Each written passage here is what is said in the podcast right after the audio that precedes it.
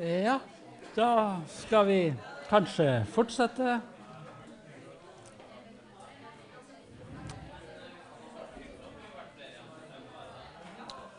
Vi var inne på før pausen. Da snakket vi om religiøse ledere som representasjon. At de har en representativ funksjon i forhold til tradisjon, i forhold til det hellige og sånne ting.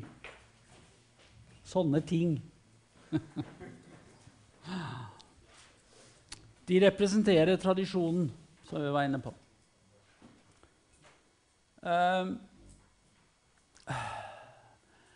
og denne funksjonen, altså den representative, den kan vi eh, komplettere med å snakke om at de representerer på en måte det ekstraordinære. Eh, eller kan vi si det tragiske? Eh, den religiøse lederen er marginal i møte med det ordinære, men får en tydelig posisjon i møte med det ekstraordinære. Altså, når livet står på spill for mennesker Altså det å altså en, en, Komme en prest inn og begynne, å, begynne med sånn der smalltalk altså, Hva betyr det? Altså En psykolog har noe å si, eller går du til legen, så er det men en prest, liksom. Hallo. Hva skal vi snakke med en prest om? Men når livet står på spill, så får presten en funksjon. F.eks. i møte med døden. Da får presten en tydelig uh, posisjon, og en, det er forventa at presten skal komme, og presten skal si. F.eks. Eller en annen religiøs leder. Og igjen dette med Handler det om å opprettholde et kollektivt minne eller et vikar, vikarierende behov? Og det som dette på en måte helt sikkert springer ut av, er at det sekulariserte språket blir utilstrekkelig i møte med disse tragiske eller ekstraordinære tingene i livet.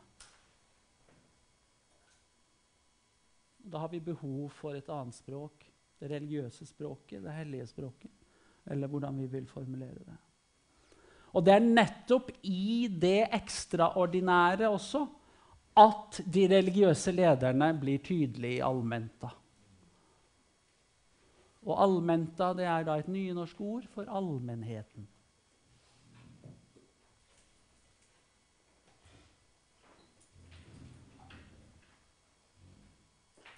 Er dere med på, det, på en sånn måte å tenke på? Gir det mening? Ja? Ja. Ja. For jeg vil være De gangene jeg var regelmessig kirkegjenger, for å bruke et sånt uttrykk, Mm. det er de gangene jeg har vært i utlandet. Ja. De gangene jeg var i Libanon, de gangene jeg var i Bosnia, de gangene jeg var i ja, Ikke så ofte når vi var i Saudi-Arabia, men likevel. Ja. Ja. Da gikk jeg til, da gikk ja, jeg til ja, Da var du i utlendighet. Da var du i en ekstraordinær situasjon. Ja. Da ble det veldig mye viktigere, for du sto daglig overfor eh, Ja. Ja.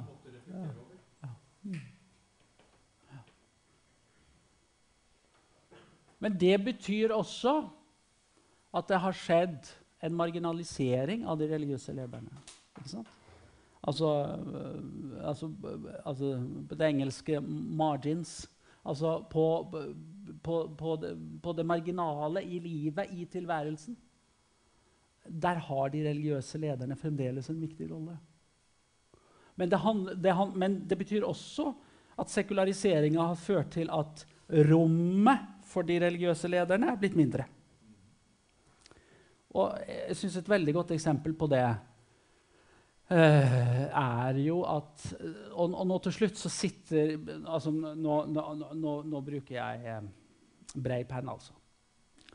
Dermed så sitter prestene og de religiøse lederne igjen med døden som sitt område. Jeg var veldig pessimistisk, da. men det, er mer enn det. Men bare for å si det sånn. Altså, Jf. det vi så på religionsstatistikken i, i, i går. Eh, men det som er interessant, er jo å følge den utviklinga fra å være altså hvis du, tar, hvis du går tilbake til 1700-tallet og ser hvordan presten da de facto var administratoren av lokalsamfunnet. Til å, og så kommer moderniseringa med en høyere grad av spesialisering, som innebærer at presten stadig mister oppgaver. Og til slutt sitter igjen med det rent religiøse, og nå trenges også det litt unna. Også, ikke sant? Altså, Gyldighetsområdet for de religiøse lederne blir stadig mindre. Uh, Det heter det på engelsk 'the god of the gaps'. Ja, ja, ja.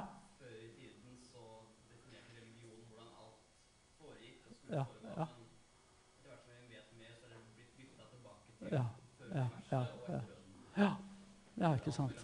Ja, ikke sant. Ja. ja. Altså, og det som vi igjen står, står igjen med som det uforklarte, osv., der har religion fremdeles et rom. Mm. Det er helt riktig. Ja. Så igjen får vi her altså, i denne situasjonen det ekstraordinære som et viktig rom for de religiøse lederne. Eh, igjen for å illustrere det ekstraordinære. Dere, ser, dere vet sikkert hva som er konteksten for dette. Uh, 22. juli uh, 2011. Eh, en felles begravelse fra en av de som eh, ble drept på Utøya. Hvor en prest og en imam får rettet sammen. Det forteller noe om de religiøse ledernes posisjon, sånn som vi har snakket om. selvfølgelig, den settingen. Men det det også forteller det om, det er noe om dialogen og forbindelsen også med Som eh, eh, det religiøse mangfoldet også fører til at det bygges broer. Og at det skjer dialog over religionsgrensene og over eh, de tradisjonelle grensene. Eh, og det at man har to religiøse ledere som representerer hver sin religion og hver sin tradisjon, som forretter sammen. Fordi at hun som ble drept, eh, på en måte hadde tilhørighet begge steder. Det er jo et uttrykk for det. Mm. I det ekstraordinære eh, så har religiøse ledere en funksjon. Og her kan vi se det i et kall det dialogperspektiv.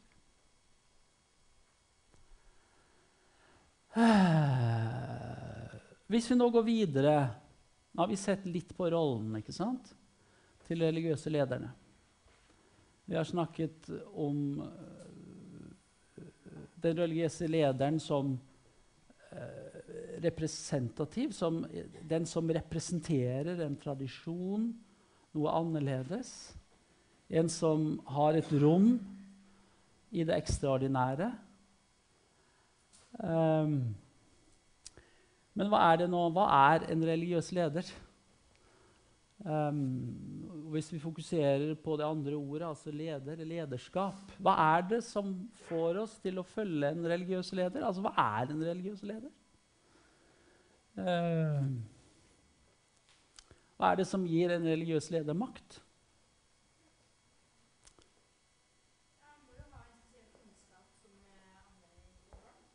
Ja. Mm.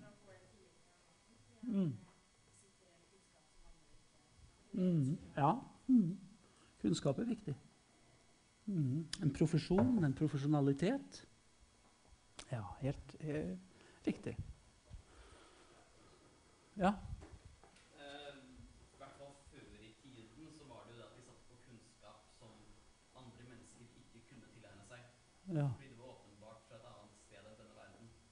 Og særlig før Luther så var det jo veldig sånn at de satt på noe du aldri kunne få tak i. Du kunne ikke lese Bibelen eller noen ting, så du måtte gå gjennom dem. Mm. Mm. Mm.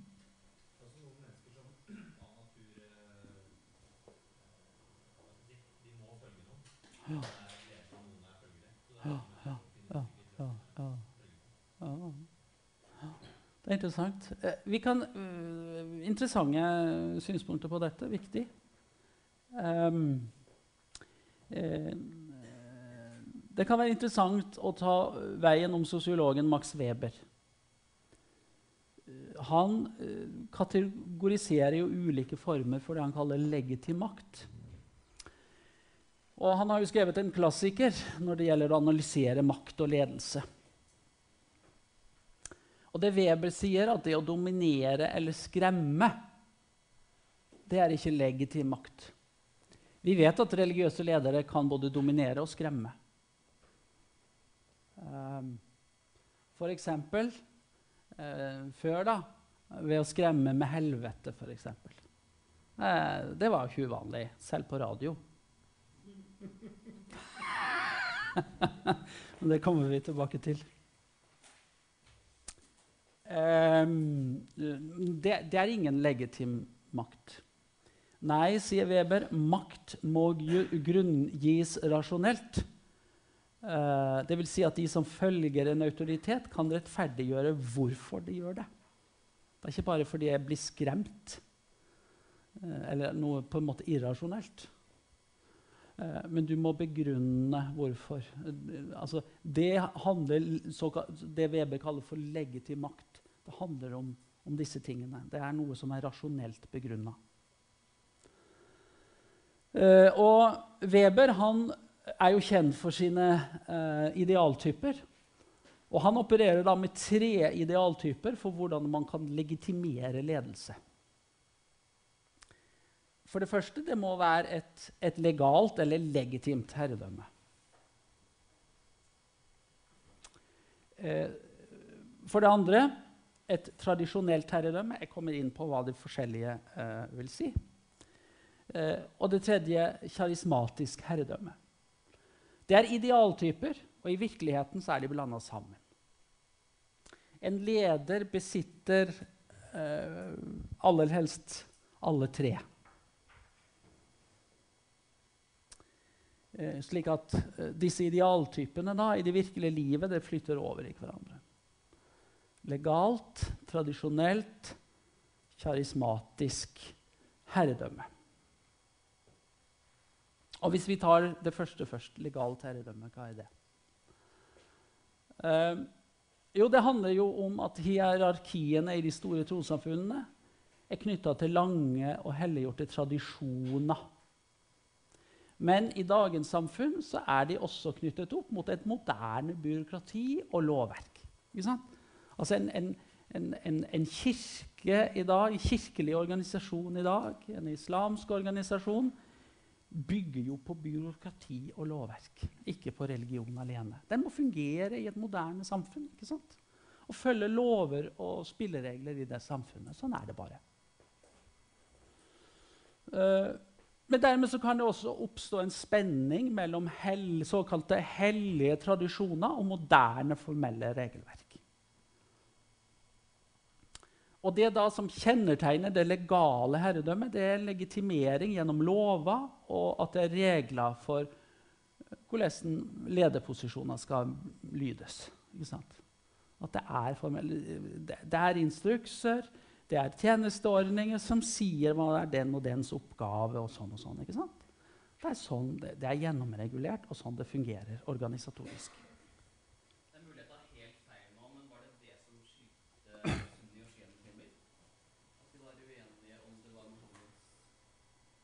Ja, ja, ja. ja. Mm, det, ja det, det, det, har sammenheng med det, ja. Det er helt riktig. Ja. Så, så eh, ikke sant? det er en legitimering gjennom lover og regler for å fungere i det moderne samfunnet. Slik, slik fungerer det i dag. Men samtidig så har det noe med hellige tradisjoner å gjøre, og som selvfølgelig også hører, hører inn her. Og det legalt grunngitte lederskap baserer seg på byråkrati, på lover og regler, på demokratiske organer. Og byråkratisering det innebærer både en styrking, men også en svekkelse av de enkelte ledernes makt. Altså, I en byråkratisk organisasjon så er det kanskje det er lenger imellom de store, karismatiske personlighetene, høvdingene, som står fram og får folket til å følge seg. Folketalerne er blitt borte. Amen. Eh, nå sitter vi på hver vår skrivepult og skriver e-post til hverandre.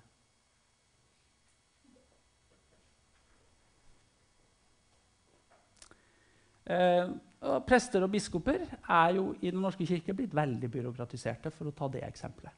Må følge lover og regler og rapportere og det ene med det andre. ikke sant? Og følge den type ting. Det er ikke bare å gå ut og gjøre. Folkeslag til disipler. Du må rapportere om det først. holdt jeg på å si. Eller kanskje etterpå. Eh, og her kan vi også få Og det er jo ikke sant når det er eh, eh, religiøse institusjoner eh, som kanskje har sin base utenfor landet. At du da kan få en spenning mellom lokal autonomi og nasjonale, eller til og med transnasjonale regelverk. ikke sant? Ja, altså, Romerkirken er jo et eksempel på det. Eh, islamske organisasjoner er et annet eksempel. ikke sant?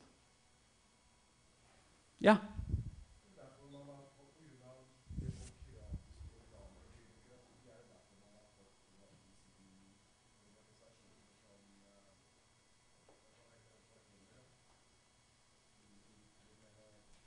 alle disse andre menighetene som står utenfor, som er, ikke er så byråkratisert som vi trodde da. Ja, altså, du kan, du, ja, du kan jo si at og Det er igjen dette med at ofte så kan det jo skje at det skjer avskallinger fra større, eh, tyngre organisasjoner, mindre organisasjoner, kanskje, som springer ut av en vekkelse, og som starter som er kanskje knytta til karismatiske ledere.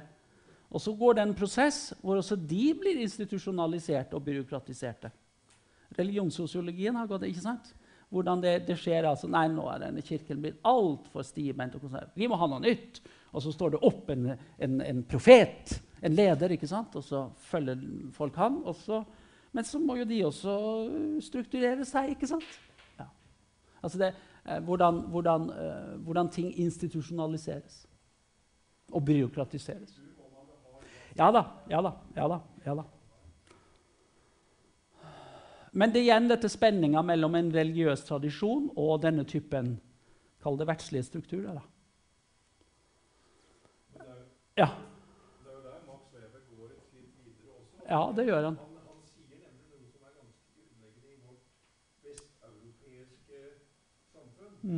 som knytter seg til at eh, protestantismen var, er et fundament for det kapitalistiske samfunn. Ja. Nettopp fordi at det, det at Mm, man mm. spinka og sparte litt, Ja. som protestantene gjerne skulle gjøre, altså man Ja. det det er, interessant, det der eh, teorien om det protestantiske etos. ja, Mm. Mm. Mm. Definitivt. Ja, definitivt. definitivt. Og det at man går ut i samfunnet. Hans Nilsen Hauge er kanskje et veldig godt eksempel på Webers teori.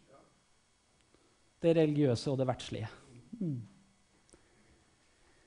Så har vi dette med tradisjonelt herredømme. altså Ledelsesposisjonen er legitimert gjennom forestillinga om at ordninga som skaper grunnlaget for posisjonen, er hellig. Eh, Og dette ser vi jo tydelig med den religiøse lederens posisjon, som er forankra delvis i forestillinga om en kontinuitet fra den tiden da eh, religionen ble grunnlagt. Altså en type autentisitet. Eh, sammenheng altså mellom tradisjon og autoritet. Altså forestillinga om kontinuitet er det som prinsipielt legitimerer det tradisjonelle herredømmet. Og her er jo religiøse ledere og religiøse organisasjoner, institusjoner, eh, veldig tydelige. Eksempel på det er jo ordinasjon innenfor de kristne kirkene. Kanskje aller tydeligst den apostoliske suksesjon innenfor katolisismen. Og da er jo tikronerspørsmålet Hva er apostolisk suksesjon?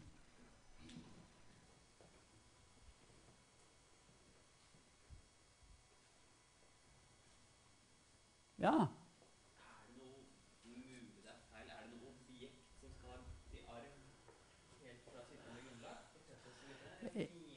Ja, du er inne på noe, men objekt eh, Da spørs det hva du tenker på. Et ritual? Jo. Ja, du er inne på det. Det, det er det kontinuitetsskapende. Kan vi få hjelp her?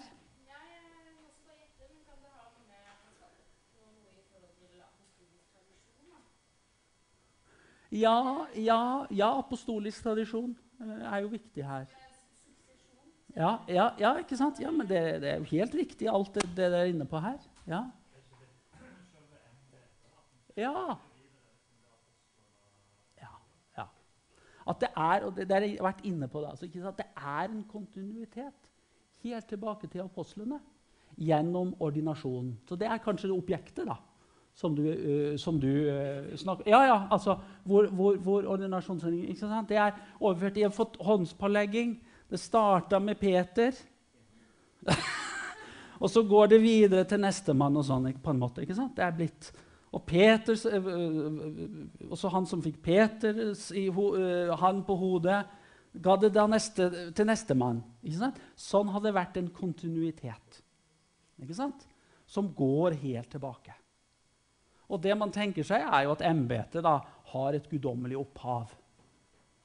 Ikke sant? Og det gjør jo at disse personene er særlig innvidde. Nå er riktignok dette et bilde fra en luthersk kirke. Og helt, vi, vi snakker ikke om apostolisk sukkusjon suksesjon i den lutherske kirke, men vi har jo ordinasjon. Uh, og, vi, uh, og vi har jo denne forståelsen likevel om at dette er en, guddom, en tjeneste som er innstifta av Gud. Og det samme uh, kan vi si i forhold til imamer, altså en, som får sin autoritet ut fra den rolla som imamen har hatt gjennom islams historie. Altså man står i en kontinuitet. Så det er viktig, altså det tradisjonelle herredømmet er viktig for det religiøse lederskap. Kan ikke dere si fra når eh, klokka blir to?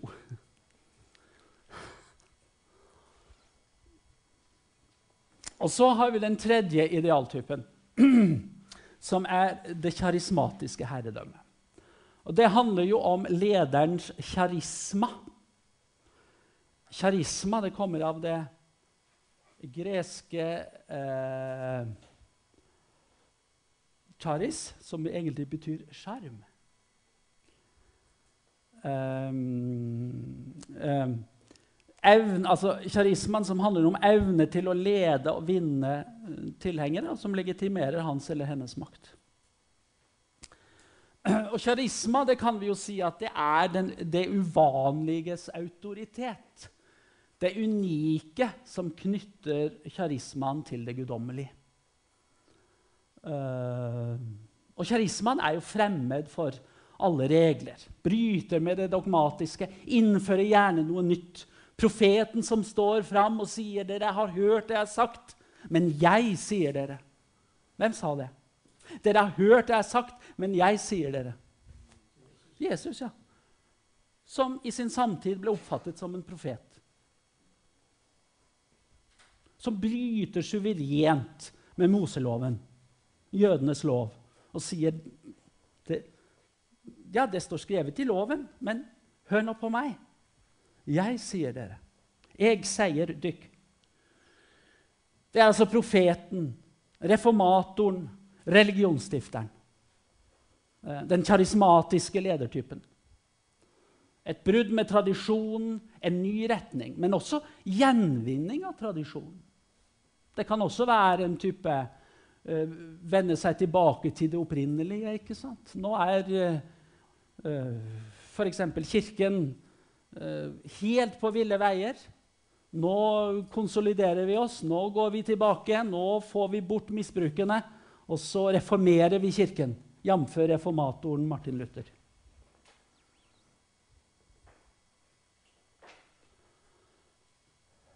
Karismatisk lederskap er jo helt avhengig av tilhengerne. Det er klart, Man kan stå og preike et tomt auditorium. Da får man ikke veldig mye gjennomslag, for å si det sånn. Så det at man faktisk vinner tilhengere, er helt avgjørende. Ofte så skjer det at den karismatiske lederen tar monopol på sannheten. Noe som vil resultere i konflikt med omgivelsene og vil innebære en posisjon av uforsonlighet. Jeg syns eh, eksempelet Jesus er et veldig godt eksempel på det. Han endte jo eh, på korset nettopp fordi han kom i konflikt med sine omgivelser til de grader.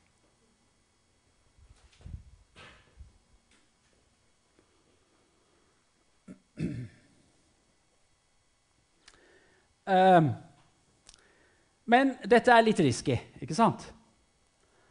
Uh, en mangel på fundament, altså en karismatisk autoritet, vil alltid være en ustabil legitimeringsform. Ikke sant? Vi har ikke lover og regler, vi har ingen organisasjon. Tenk på det, Den bevegelsen som Jesus skapte, det var jo en sånn omvandrende bevegelse. De hadde ikke, noe, de hadde ikke lover, de hadde ikke statutter. Det var ingen, ingen institusjon. Men for å sikre stabilitet så skjer det altså en institusjonalisering. Og det er det religionssosiologen Pål Repstad eh, så treffende sier. Det, det, foregår en bevegelse fra kjarisma til kontor. Profeten si, legges i rør og blir byråkrat.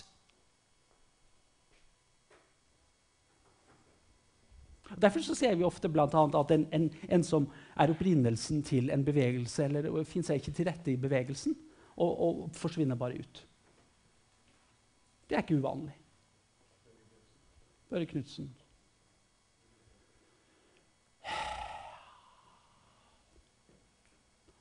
Ja, men hva slags bevegelse var det de skapte?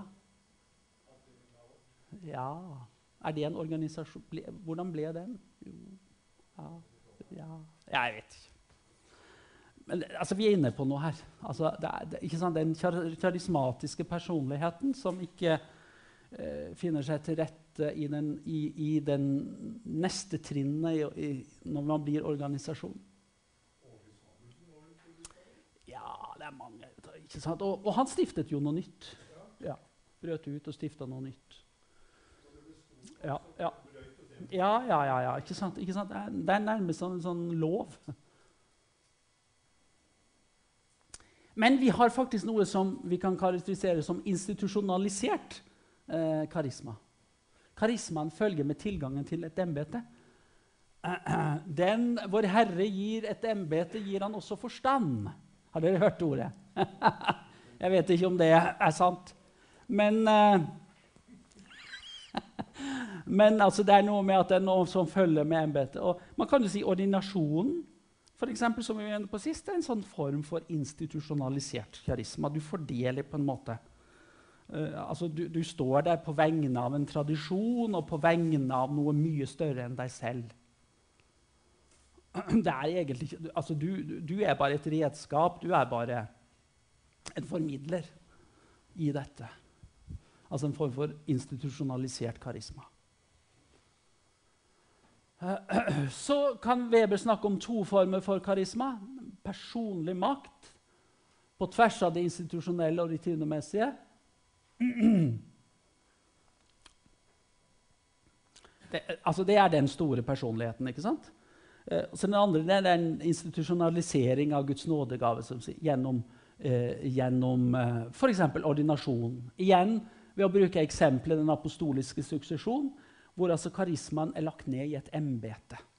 Og gjennom, gjennom, sakramentet, altså ordinasjonen i den katolske kirke, er jo et sakrament. Slik at gjennom sakramentet så overføres karismaen fra den hellige eh, andre via apostlene og til en posisjon. Altså fra det guddommelige, eller fra Jesus selv, via apostlene og til en posisjon. Den som får det videre eh, gjennom historia og helt til vår tid. Likevel så må vi jo si at personlig karisma er viktigst. Altså, du kan jo være ordinert, og du har ikke evnen til å få folk til å samles rundt deg. Og dette at du faktisk har de personlige egenskapene og jeg har en personlig karisma som gjør at du kan samarbeide osv., blir jo tross alt det viktigste. Når alt kommer til alt. Så har vi en side av det, og nå, nå vet jeg ikke hvor mye tid vi har. Jeg. Et hav av tid, med andre ord. To personer pågrepet på Hurtigruta, sier lofotposten.no. Ok. eh, kulturell kapital. Kulturell kapital. Eh, det faktum at mange religiøse ledere i Norge er fra andre land, andre kulturer, gjør dette til et aktuelt spørsmål, eller aktuelt tema. Uh, for spørsmålet er hvilken del av den kulturelle kapitalen til lederen kan overføres på posisjonen her i Norge. Ja, vi kan tenke religiøs kunnskap. Den religiøse tradisjonen er viktig. ikke sant? Men ikke bare den religiøse kunnskapen er viktig for den religiøse leder. Også den kulturelle kunnskapen, eller den kulturelle eh, kapitalen, som jo er et begrep som Bourdieu, sosiologen Bourdieu er opptatt av, er faktisk også viktig. At du faktisk kan gå inn, du kan kommunisere i det samfunnet hvor du faktisk er. Du kjenner språket, du kjenner kodene, du kjenner kulturen, du vet hva som kreves.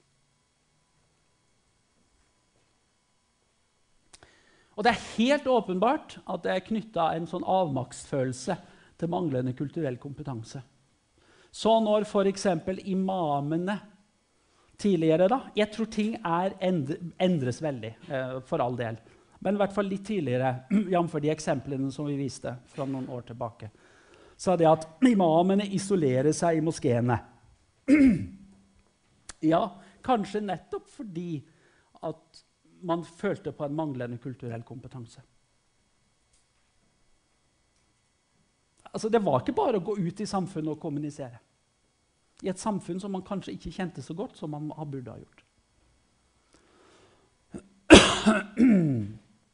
Ledere som derimot har tilegnet seg språklig og sosial kunnskap, kan med det utvide posisjonen sin. Folk som snakker godt språket, som åpenbart kjenner til kultur og samfunn, kjenner kodene, og som til og med har godt medietekke, kan faktisk spille en avgjørende rolle. Og Derfor er jo dette med religiøs veiledning og så videre i Norge for utenlandske religiøse ledere blitt viktig, jf. det kurset som vi gir her. Så har vi også dette spørsmålet om definisjonsmakt. Hvem har rett til å tolke kildene? Uh, det kan opptre nye talsmenn som regner seg som representanter for islam. Kanskje de mest ytterliggående, som sier vi, vi har den rette tolkninga av profeten. Det er, vi, det er oss dere skal høre på. ikke sant? Og en del av disse eh, kommer fram og vet eh, har, kan bruke nye medier, sosiale medier, og får stort gjennomslag.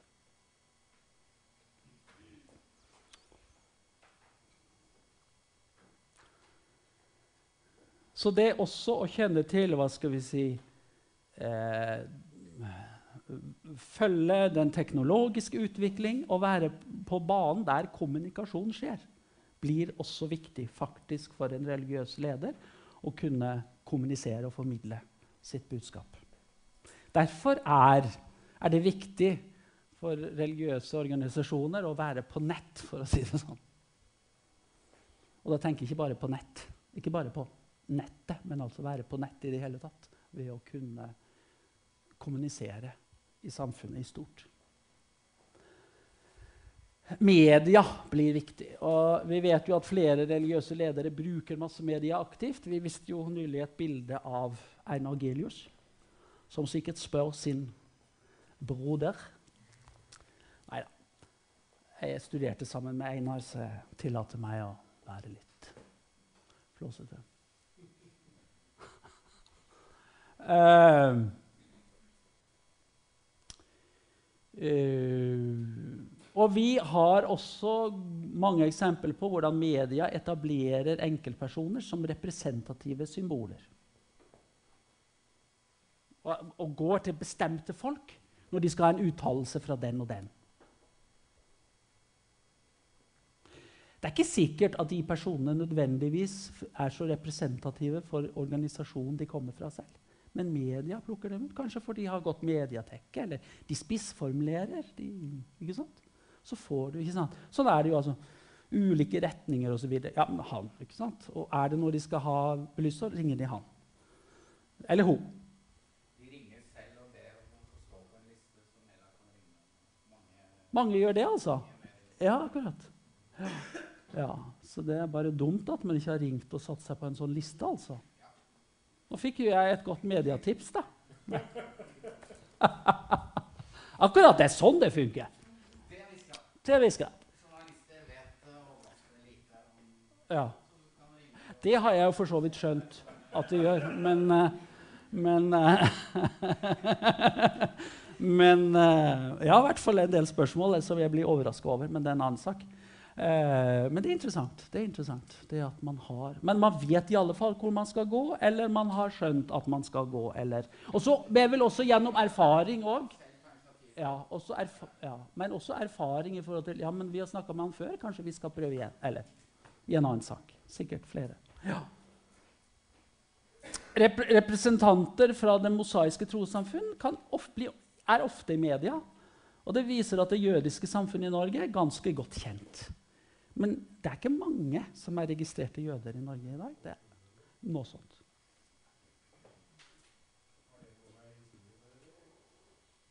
Ja, det har det jo i høyeste grad. Også at det har vært en veldig nedgang i registrerte jøder i Norge av en annen grunn. Nei. Nei, det, nei det, det, er veldig, det er veldig um, altså Det kom et fall altså, i registrerte jøder i Norge. Altså Det er flere enn 800, men altså i forhold til registrerte. Det er jo det vi forholder oss til i de offisielle tallene. Og der var det en dropp, uten, uten egentlig forklaring, annet enn selvfølgelig at det var eh, altså denne jødehetsen osv. Så, så man har lurt på om det er faktisk den som har bidratt til at flere har valgt å ikke registrere seg. I, i, vi har jo to jødiske eh, trossamfunn i Norge. Et, et her i Oslo og et i Trondheim. Ja, Ja, ikke sant. Ja, ikke sant. Ja, ja. Mm. Ja, ja.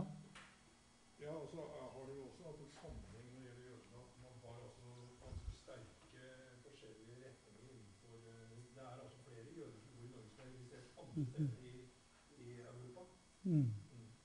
De velger, altså de har en sterkere tilknytning f.eks. Ja.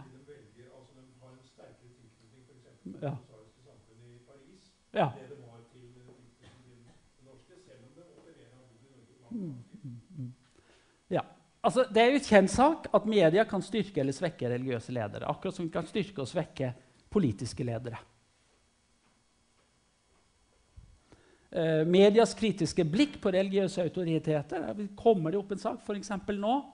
Eh, denne saka med dette medlemsrotet i Den katolske kirke. Og det satte jo eh, den katolske biskopen i Oslo, Bernt Eidsvik, eh, i en veldig vanskelig situasjon. ikke sant? Han måtte jo fronte det på en måte. Og det er klart, å komme, bli utsatt for medias kritiske blikk på denne måten, det, ja, det, er, det er en tøff situasjon å stå i. Det har, på, det har jo også tidligere vært et fokus på imamen i forbindelse med kriminalitet og konflikt, men nærmest en forventning om at nå måtte imamene gå og ordne opp. Slik vi har vært inne på. Men media er selvfølgelig også en kanal for religiøse ledere sin posisjonering. Og de som vet å bruke det. De som vet at de må gå og sette seg på en sånn liste, f.eks., de gjør det. Eller andre ting. Har kontakter, kommer på. Uh, det, det, men igjen dette paradokset som vi har sett i mediene, altså kritikk av imamenes makt, og samtidig et krav om at de må utøve mer makt ved å kontrollere sine medlemmer. Eller de må ta grep i forhold til en del ting osv. Det er ganske, ja, ganske interessant.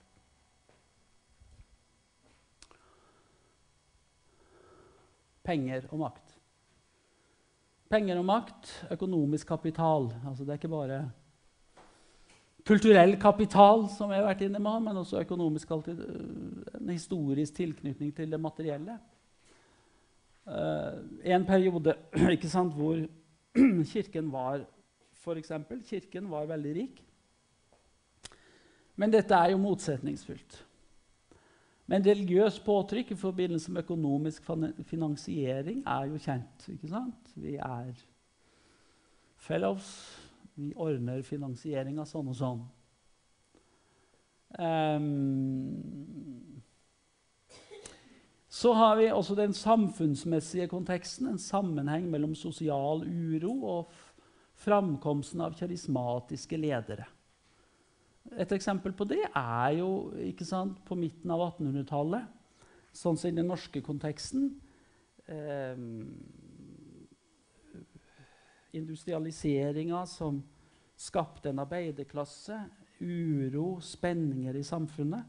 Og i denne situasjonen så opptrådte mer radikale religiøse bevegelser, som f.eks. metodister og pinsevenner. Altså samfunnsuro skapte et grobunn for at nye vekkelser og nye bevegelser trådte fram. Og Det som var jo interessant både med metodister og pinsevenner, i utgangspunktet, var jo det at de, de gjerne tiltrakk seg mennesker lavest på samfunnsstigen. Og I det altså, så ligger det jo også en, en uh, sosial protest. Altså, det var ikke bare det religiøse, men det var også det sosiale som spilte inn, og som var, var, en bakgrunn. Men så skjer det etter hvert en nyansering av klassebakgrunn i og med en institusjonalisering. Kan, altså, I dag kan man ikke si det Dessuten, hva, hva, er arbeiderklassen i dag? Altså, det er noe med samfunnet også som har endret seg. Uh, man kan ikke uten videre gå og lese en bestemt klassebakgrunn, uh, avhengig av hvilken, hvilken uh, religion eller hvilket religiøst samfunn du tilhører. Men før var det ganske, ganske påvisbart, faktisk.